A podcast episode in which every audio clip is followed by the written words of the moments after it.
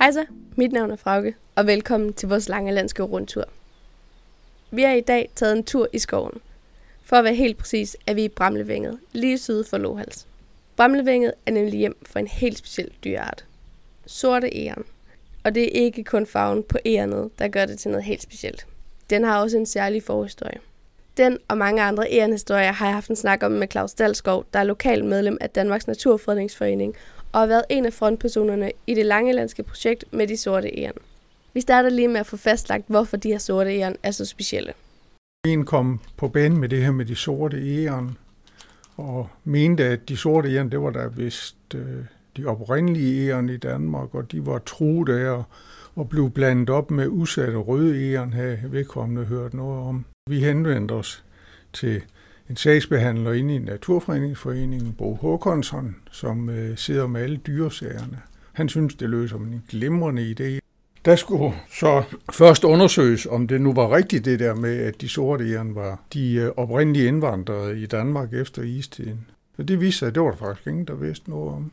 Og heldigvis så fik vi fat i et par gode pattedyrsfolk, en specialstuderende, som var villig til at prøve at undersøge den sag der. Og vedkommende barslede med en rapport, der konkluderer, at der i Danmark var otte forskellige haplotyper, kalder man det. Genetiske typer af æren. Øh, det er alle sammen samme art. Hvad de er røde eller grå eller sorte. Inde i alle vores celler findes der noget, der hedder mitokondrier. Og øh, mitokondrierne har deres eget DNA og de er meget mindre end øh, for eksempel et erens DNA eller et menneskes. Så derfor er det meget nemmere og billigere at lave undersøgelsen på mitokondrier. Kigger man på de der gener i de mitokondrierne, så kan man også ved at kigge på, hvor mange mutationer der er forskel på, for eksempel på den ene haplotype i Jylland og så den fynske haplotype, så kan man se, hvor mange år er det siden, at de sidst har udvekslet gener. Og der kunne man se, at den sorte type lå 7.500 år tilbage, siden der sidst var udviklet gener med andre eon-haplotyper. Og det fik så en specialstuderende, og i øvrigt også hans bogøger, Tommy Asværk op fra Aarhus Universitet til at konkludere, at det var de sorte æren, der var de oprindelige indvandrere i Danmark. De røde ærens gener er de dominerende, hvorfor de sorte æren altså vil uddø, hvis de ikke bliver isoleret fra de røde. Og det kan de netop være her på Langeland.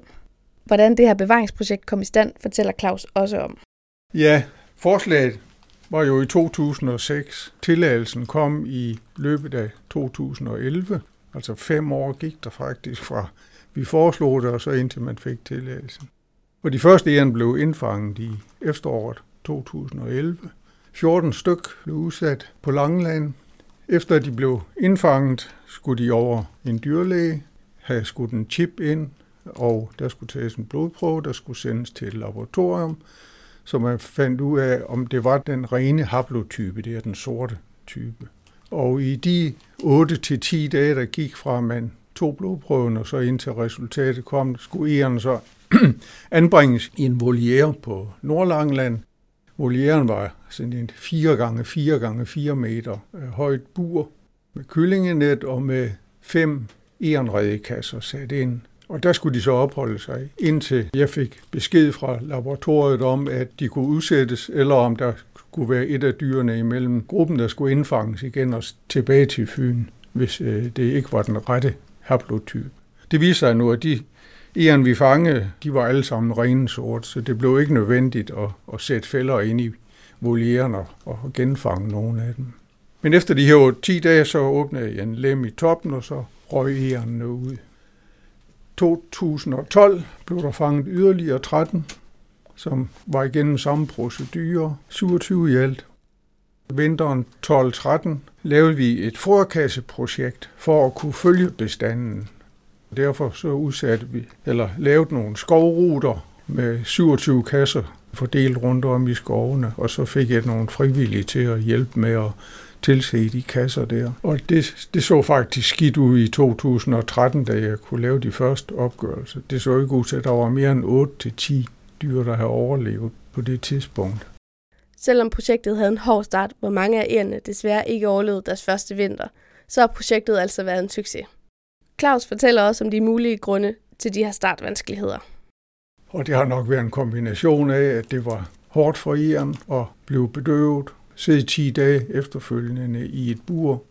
Æren er ikke sociale dyr, så det at sidde sammen med en 3-4 andre æren i et bur, det har garanteret været en noget stressende situation for den. Og på det tidspunkt, hvor de lukkes ud i det sene efterår, har de ikke været i stand til at lave et depot af den føde, de så vi kunne bruge i løbet af vinteren. Og godt nok fodrer vi jo så rundt om i skovene, men alligevel har det gået ud over bestanden. Der var ikke mange dyr, der klarede.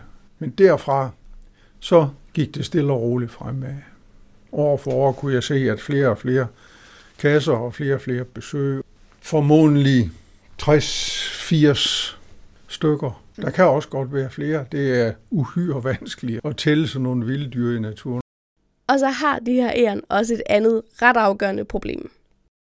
Desværre er de ikke trafiksikre. De ser sig overhovedet ikke for. Alle de døde æren, jeg har fået oplyst eller fået indleveret, er to tredjedel, det er trafikdræbte.